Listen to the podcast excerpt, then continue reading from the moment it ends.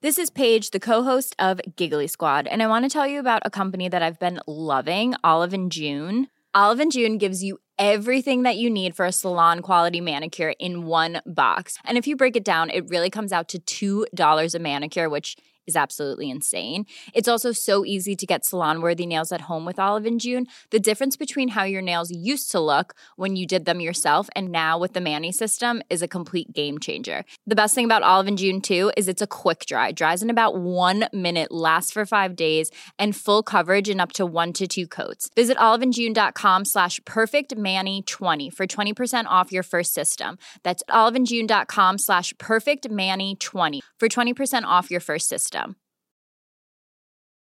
Life is full of what ifs. Some awesome, like what if AI could fold your laundry? And some, well, less awesome, like what if you have unexpected medical costs?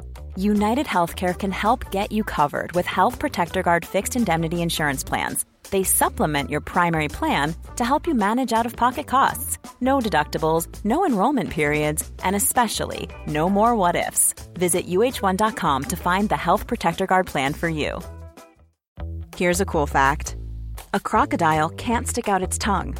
Another cool fact you can get short term health insurance for a month or just under a year in some states. United Healthcare short term insurance plans are designed for people who are between jobs, coming off their parents' plan, or turning a side hustle into a full time gig.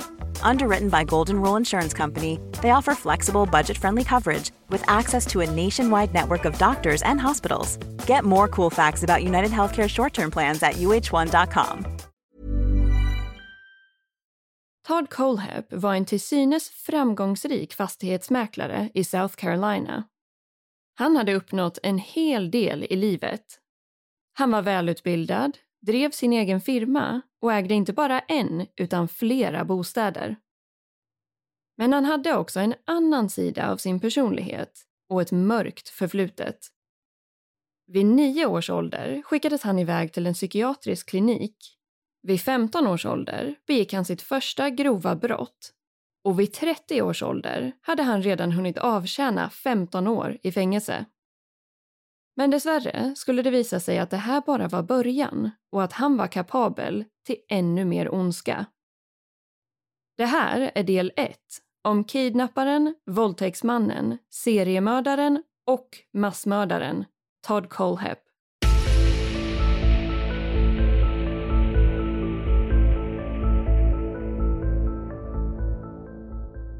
Hej på er och varmt välkomna ska ni vara till en helt ny säsong av Rysapodden. Och mer exakt säsong 7. Och även den här säsongen kommer, precis som under sommaren, att bli lite av en specialare.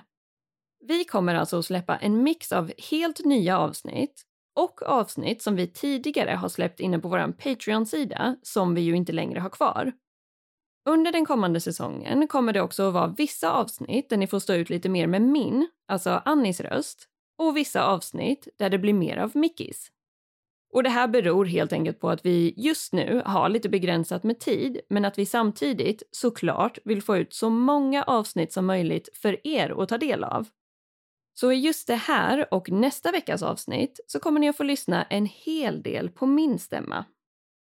Men själva fallet som jag ska ta er igenom handlar alltså om seriemördaren och massmördaren Todd Colehep, också känd som The Amazon Review Killer. Och vi fick faktiskt in det här fallet som ett tips från eh, inte bara en, utan två av er härliga lyssnare. Nämligen Emilia Heimdal och Axel Juntorp. Så stort tack till er båda två för att ni tog er tiden att skicka in det här tipset. Men med det sagt så har vi faktiskt en hel del som vi ska ta oss igenom i de här avsnitten. Så jag tycker faktiskt att vi tar och hoppar rakt in i säsongens första avsnitt och del 1 av fallet Todd Colehep.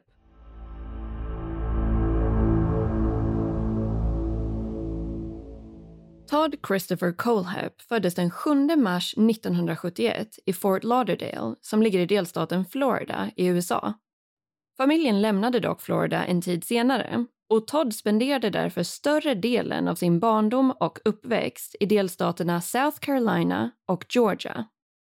När Todd var runt två år gammal så skildes hans föräldrar och i slutändan så blev det hans mamma Regina som fick ensam vårdnad.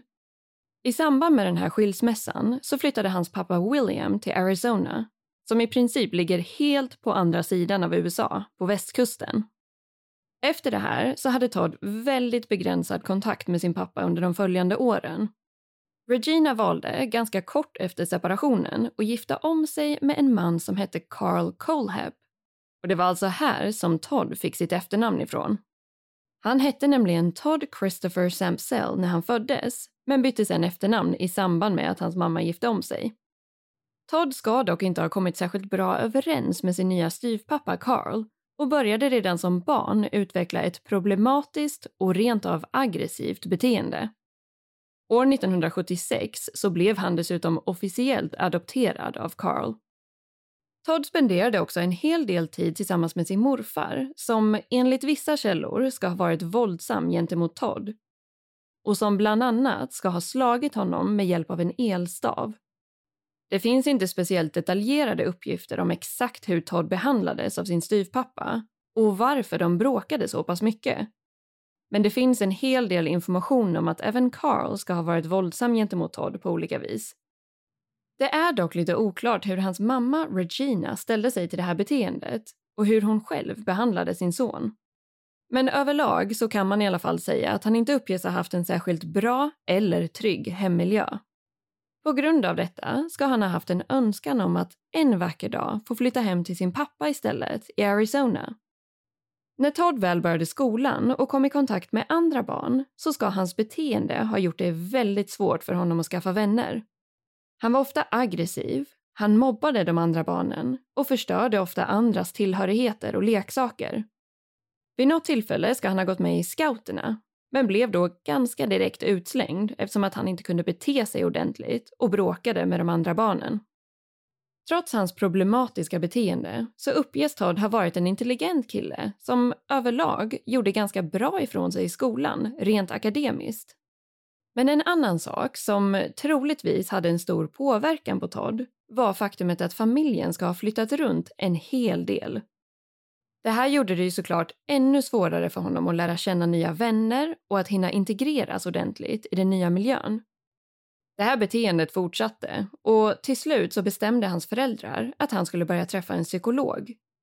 Vilket senare ledde till att Todd skickades iväg till en psykiatrisk klinik under en period. Vid den här tidpunkten var han ungefär nio år gammal man bedömde då att han var arg och explosiv och att han redan hade osunda tankar kring sex. Från en tidig ålder visade Todd också upp en hel del ilska gentemot djur. Bland annat finns det uppgifter om att han ska ha skjutit en hund med ett luftgevär och att han ska ha dödat en guldfisk med hjälp av blekmedel. Hans mamma Regina och styvpappa Carl hade uppenbarligen ingen aning om hur de skulle hantera Todd och det här ledde senare till att Regina år 1983 beslutade att det kanske var dags för honom att flytta hem till sin pappa William i Arizona. Det här var ju precis det som den nu 12-åriga Todd hade önskat och till en början tyckte även han att det hela lät som en väldigt bra idé. När Todd väl anlände till sin pappa i Arizona så fungerade det väldigt bra till en början. Och far och son delade bland annat ett stort intresse för vapen och att bygga hemmagjorda bomber. Men ganska direkt insåg Todd att hans pappa också hade en del annat som han valde att fokusera på. Bland annat var han alltid ute på dejter med olika kvinnor och verkade helt enkelt inte ha någon tid över för sin son. Och trots att de inte hade träffats på så pass länge så verkade han inte ha något större intresse av att lära känna Todd bättre. Todd började därför hata sin pappa och insåg att gräset tyvärr inte var grönare på andra sidan och att han nu ville flytta tillbaka hem till sin mamma och styvpappa. Det finns dock uppgifter om att när Todd uttryckte den här önskan till sin mamma så ska hon ha hittat på diverse olika ursäkter och bortförklaringar till varför det nog var bäst att han bodde kvar hos sin pappa i Arizona tills vidare.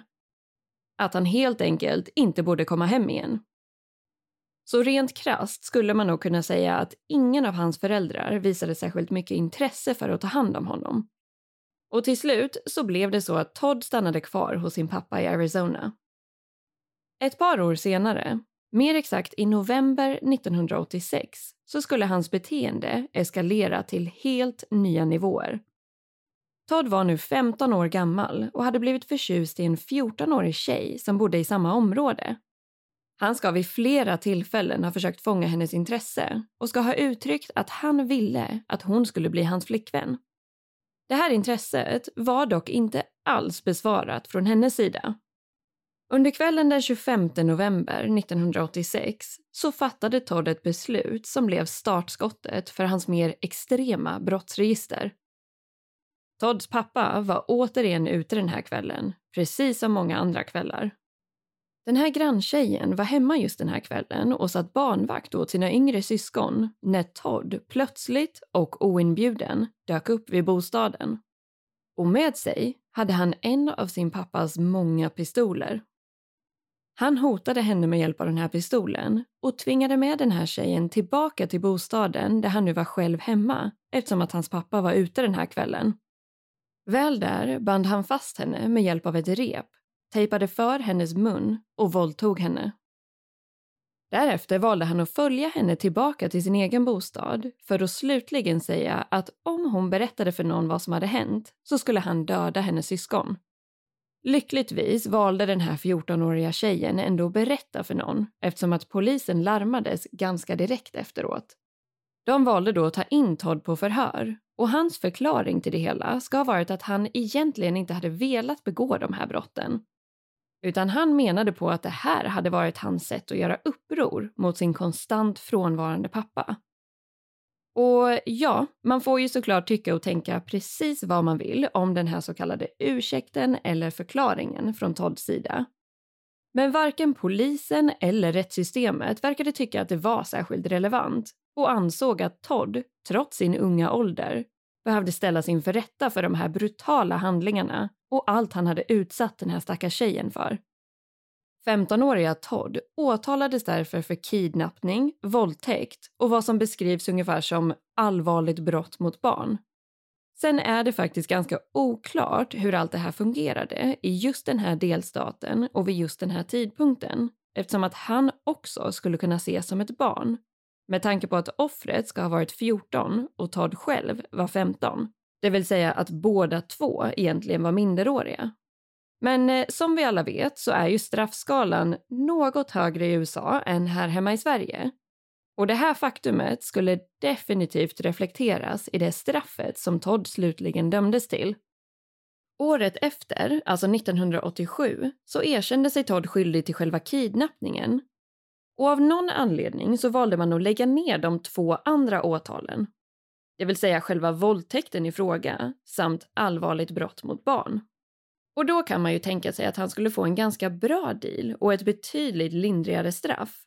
Men så var inte riktigt fallet. Trots att han bara var 15 år gammal så tilldelades han nämligen ett fängelsestraff på totalt 15 år.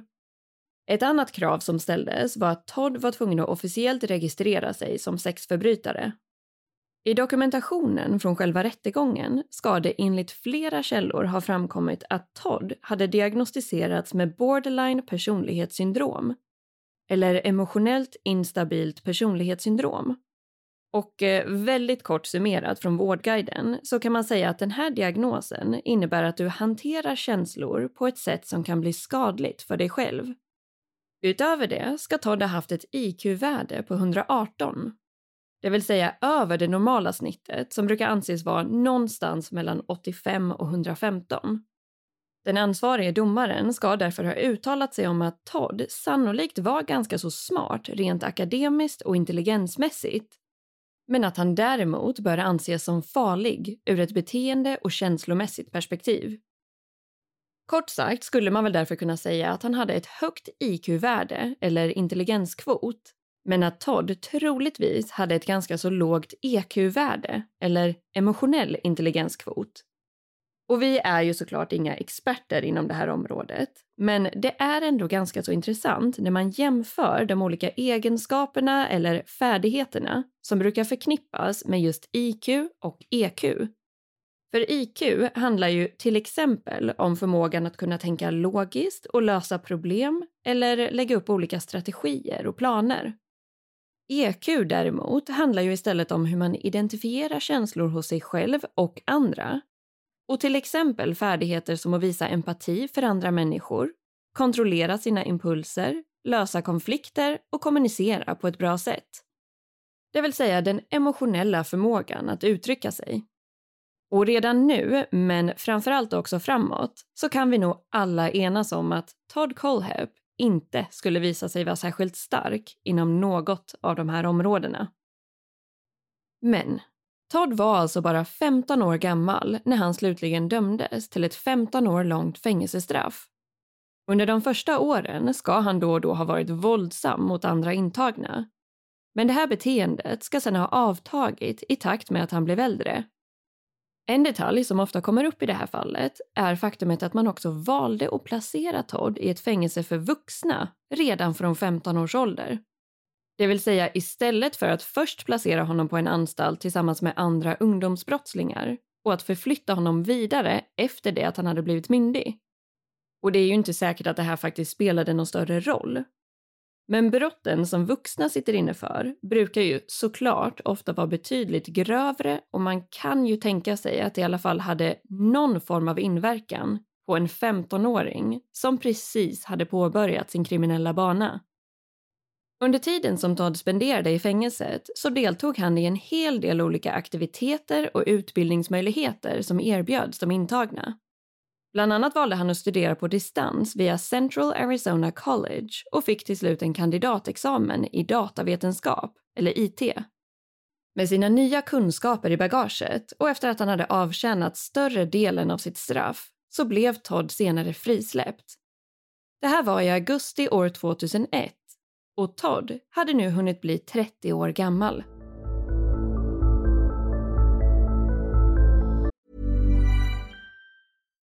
Here's a cool fact a crocodile can't stick out its tongue.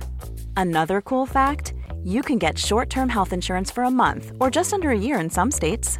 United Healthcare short term insurance plans are designed for people who are between jobs, coming off their parents' plan, or turning a side hustle into a full time gig.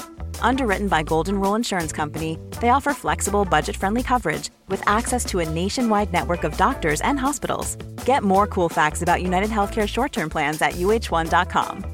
I'm Sandra, and I'm just the professional your small business was looking for. But you didn't hire me because you didn't use LinkedIn jobs. LinkedIn has professionals you can't find anywhere else, including those who aren't actively looking for a new job but might be open to the perfect role, like me.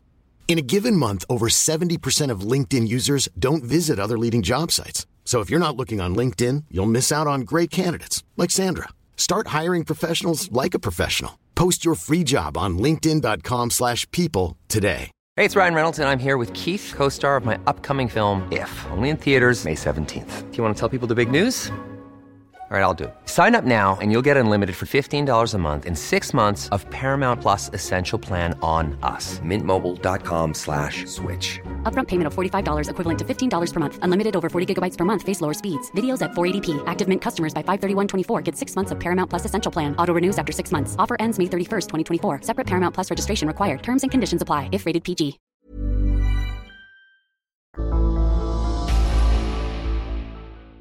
I samband med att Todd blev frisläppt från fängelset i augusti 2001 så valde han att lämna Arizona bakom sig och istället flytta tillbaka till South Carolina där hans mamma bodde. Väl där passade han på att göra saker som han hade missat under sina 15 år i fängelset, som exempelvis att ta körkort. I januari 2002 lyckades han få jobb som grafisk designer och blev sen kvar där fram till november 2003 när Todd återigen bestämde sig för att börja studera. Den här gången valde han att studera vid Greenville Technical College men drygt ett år senare bytte han istället till University of South Carolina Upstate. År 2008 var han färdig med studierna och fick då ännu en kandidatexamen inom företagsekonomi och marknadsföring. Utöver att Todd nu hade flera examina så hade han en del andra järn i elden också. Under sommaren 2006, parallellt med studierna, så blev han nämligen också licensierad fastighetsmäklare. Och även här är det lite oklart hur Todd faktiskt lyckades med detta eftersom att han hade ett uppenbart brottsregister och var en registrerad sexförbrytare. Men på något vis ska han i alla fall ha kommit undan med det här genom att rent av ljuga om sitt brottsliga förflutna och genom att förklara situationen ur hans perspektiv. Vilket alltså inte var den egentliga sanningen kring vad som hände. Så man får ju verkligen hoppas att det finns bättre möjligheter för bakgrundskontroller idag och att de faktiskt också görs ordentligt. För som ni kommer bli varse så hade det nog varit betydligt bättre för alla inblandade om Todd inte hade lyckats få den här mäklarlicensen. Men med tanke på Todds stora framgångar under de här åren så kan man ju nästan tänka sig att han hade tagit sig i kragen och bestämt sig för att lägga sitt kriminella liv bakom sig. Tyvärr var det inte alls så. För precis i samband med att han började studera igen, alltså där i november 2003, så kunde Todd även addera mord på listan över sina brott. Och inte bara mord, utan massmord. Ett massmord som förblev olöst i mer än ett decennium och som i media har fått namnet The Superbike Murders. Och det ska sägas att man absolut skulle kunna göra ett helt eget avsnitt bara om de här morden. Men eftersom att vi har en hel del annat att gå in på i det här dubbelavsnittet så kommer jag försöka hålla mig någorlunda kort. Men ett litet tips nu är att spetsa öronen lite extra, för det här kommer garanterat att bli lite av ett nödvändigt sidospår. Det var nämligen som så att Todd vid den här tidpunkten hade bestämt sig för att köpa en motorcykel.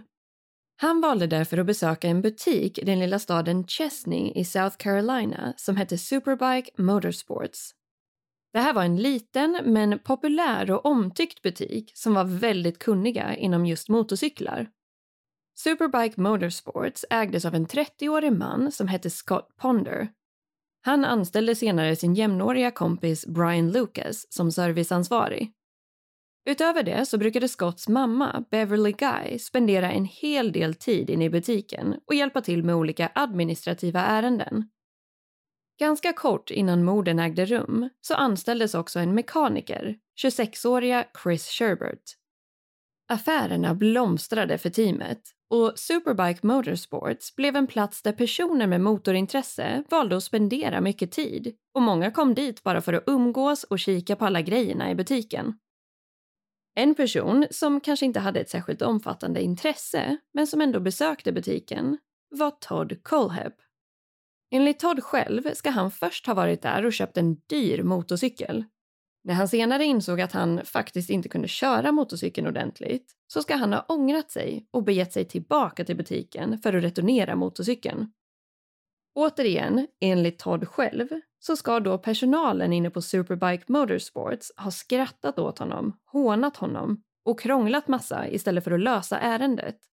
Han ska sen ha lämnat butiken, men det ingen visste var att Todd genast gjorde upp en plan för att återvända vid ett senare tillfälle för att utdela sin hämnd.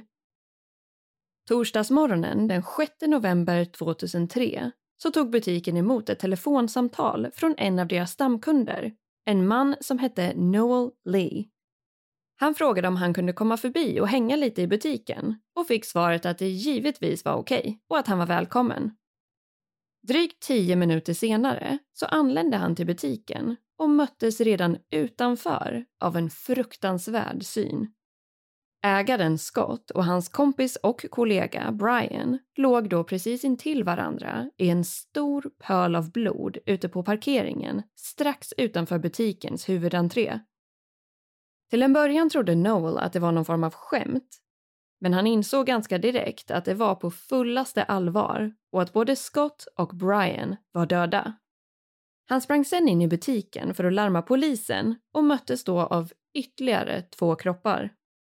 Den ena var Scotts mamma Beverly som hittades i närheten av toaletten.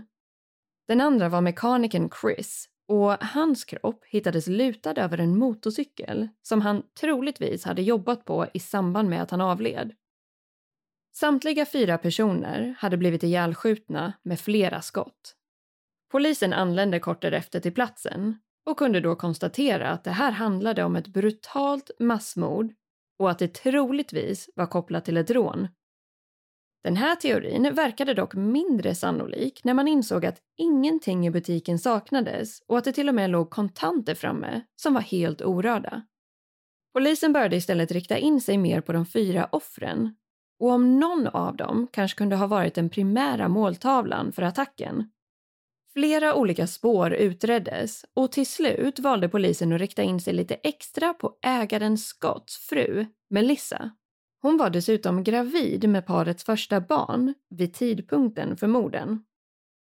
Och som jag var inne på tidigare så skulle man kunna gå in mycket mer i detalj kring allt det här. Men kort sagt så valde polisen att göra ett DNA-test på det här barnet genom att använda en blöja som byttes av Melissa inne på polisstationen. Testet visade då att det inte alls var Scott som var pappan till barnet utan att det var hans kompis och kollega Brian som även han mördades vid samma tillfälle. Melissa ska då ha blivit extremt chockad och sagt att det var helt otänkbart. Men när polisen gjorde ytterligare ett DNA-test så visade det på exakt samma resultat. Utredare började därför fundera på om hon kanske hade haft någonting med de här morden att göra eftersom att hon uppenbarligen undanhöll en hel del viktig information. I samband med det här så valde Melissa att skaffa en advokat och därefter var det här en pågående tvist mellan polisen och Melissas försvarsteam under drygt ett och ett halvt års tid. Under den här tiden fick hon dessutom leva med att både polisen, alla offrens anhöriga och många andra i området kände sig övertygade om att hon på ett eller annat sätt var skyldig. Tids nog så skulle däremot en del av sanningen i det här fallet komma upp till ytan. Det visade sig nämligen att polisen hade blandat ihop Scott och Brians DNA på brottsplatsen eftersom att de hade legat precis intill varandra. Det var med andra ord Scott som var pappan till barnet och Melissa hade absolut ingenting att dölja och ingenting att göra med de här brutala morden. Så polisen hade alltså klantat sig ganska ordentligt och dessutom slösat bort värdefull tid och andra potentiella spår som hade kunnat utredas istället. Men vid ett senare tillfälle så lyckades utredare i alla fall få tag i ett vittne som hade befunnit sig vid Superbike Motorsports bara några minuter innan morden hade ägt rum. Det här vittnet ska ha uppgett att han hade noterat en annan man inne i butiken och att han ska ha frågat personalen om en motorcykel. Han ska däremot inte ha verkat ha någon kunskap alls om motorcyklar och det här vittnet ska då ha tyckt att det var lite störande eftersom han själv var en riktig entusiast inom området. Men trots att polisen nu hade fått tag i det här värdefulla vittnesmålet så lyckades de aldrig spåra den här mannen.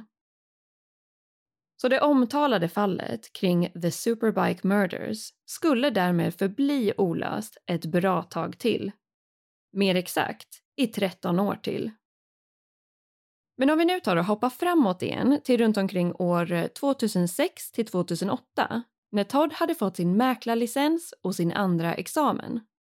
Efter det här och under de kommande åren så byggde han upp sin egen mäklarfirma, TKA Real Estate, som också gick otroligt bra. Verksamheten växte väldigt snabbt och det dröjde inte länge innan Todd hade flera anställda och ansågs vara en av South Carolinas främsta fastighetsmäklare. Utöver hans framgångar som egenföretagare så lyckades han även med att skaffa sig en privat pilotlicens. Med tanke på att affärerna gick så pass bra för Todd så valde han att börja investera sina pengar på olika sätt. Bland annat genom att köpa fastigheter i flera olika delstater men framför allt blev en av hans största investeringar en stor gård i närheten av Woodruff, South Carolina. Den här fastigheten köpte han i maj 2014 och tillhörande gården ingick även drygt 40 hektar mark. Han investerade sedan ytterligare 80 000 dollar på att sätta upp ett stängsel eller stålstaket runt omkring hela fastigheten och den tillhörande marken. Han ska däremot ha haft sin huvudsakliga bostad i Moore som ligger ungefär 10 minuters bilresa från Woodruff. Så saker och ting gick alltså ganska så bra för den nu 43-åriga Todd. Men trots att han hade byggt upp ett framgångsrikt företag och av de flesta beskrevs som väldigt driven, social och proffsig så ska det sägas att det fanns vissa problem på arbetsplatsen. Bland annat finns det uppgifter om att Todd ofta ska ha sagt opassande och sexuella typer av kommentarer till de kvinnliga anställda och att han ska ha kollat på porr under arbetstid. Han ska också ha pratat väldigt mycket om alla sina vapen som han hade samlat på sig hemma på gården. Men Todd visade sig också ha ett stort intresse för andra typer av redskap, eller vapen, beroende på hur man ser på saken. Todd hade nämligen ett konto hos e-handelssajten Amazon och var inte sen med att lämna detaljerade recensioner om olika typer av produkter. Och som ni säkert redan har kunnat gissa så är det här alltså anledningen till att Todd Colehep senare har blivit tilldelad namnet The Amazon Review Killer. Hans användarnamn var dock inte hans riktiga namn, utan det alias som han använde på hemsidan och för att skriva de här recensionerna var me, alltså jag på engelska. De produkterna som Todd valde att recensera var allt ifrån en säsong av eh, tv-serien The Walking Dead till olika djurprodukter, hänglås, spadar och andra typer av bygg och trädgårdsredskap. Utifrån vad vi har kunnat läsa oss till så verkar det som att de här recensionerna på Amazon sträcker sig från mitten av maj 2014 till slutet av augusti 2016. Och maj 2014 var ju alltså den månaden när Todd köpte den här stora gården utanför Woodruff. Men jag tänker helt enkelt att jag kan ta och dela med mig av några olika exempel på den typen av recensioner som Todd, eller Me, brukade lämna inne på Amazon. Bland annat skrev han följande om en vikbar spade. Keep in car for when you have to hide the bodies and you left the full size shovel at home. Does not come with a midget. Which would have been nice. Fem stjärnor. Todd lämnade också följande recension om en motorsåg från märket Husqvarna. Works excellent. Getting the neighbor to stand still while you chase him with it is hard enough without having an easy to use chainsaw. Fem stjärnor. En annan recension var gällande ett hänglås och den löd så här. Solid locks. Have five on a shipping container. Won't stop them. But sure will slow them down till they're too old to care. Även här, fem stjärnor.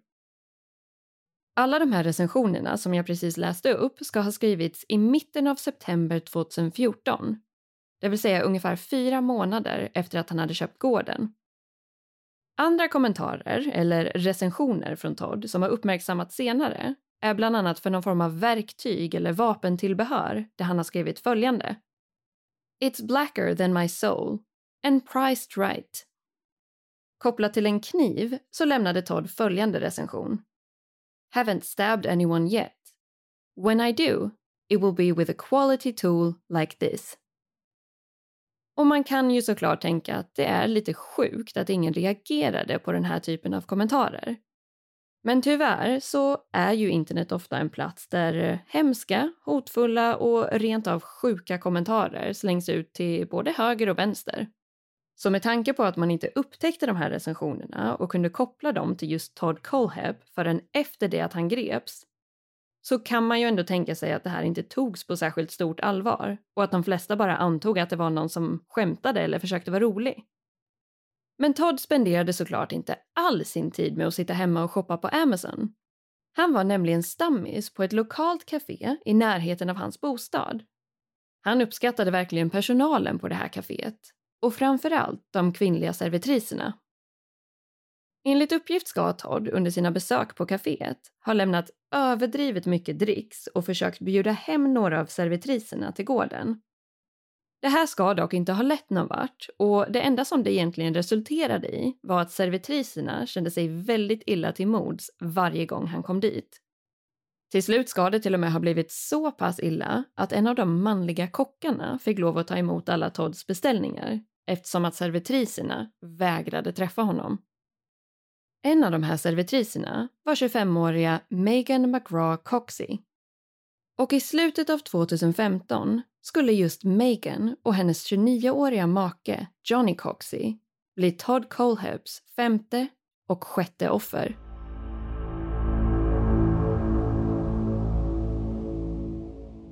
Så där ja, det här var alltså del ett av det här fallet. Och precis som med våra tidigare dubbelavsnitt så kommer vi givetvis att påbörja den andra och sista delen med en kort liten summering för att friska upp minnet lite grann. Men förhoppningsvis så har ni tyckt att den här första delen har varit intressant att ta del av och känner er manade att komma tillbaka och lyssna på del två, som alltså släpps om exakt en vecka. Så nu är vi alltså äntligen igång igen med säsong 7 och eh, innan jag rundar av här så vill jag såklart skicka med ett stort tack för att just du har valt att lyssna på det här avsnittet av Rysapodden.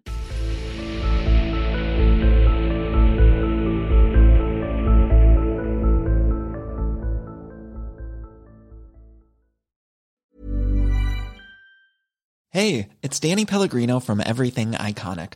Ready to upgrade your style game without blowing your budget? Check out Quince. They've got all the good stuff shirts and polos, activewear, and fine leather goods, all at 50 to 80% less than other high end brands.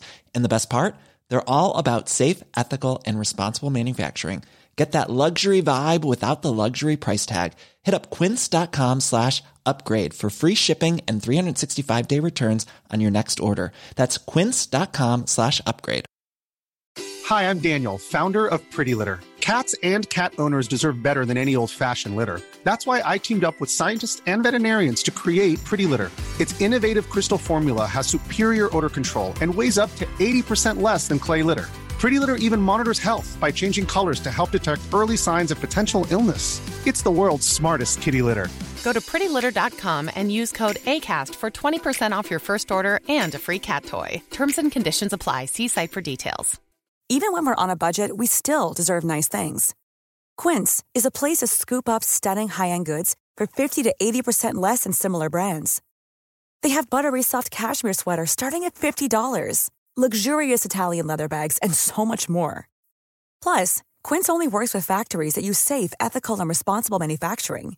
Get the high-end goods you'll love without the high price tag with Quince.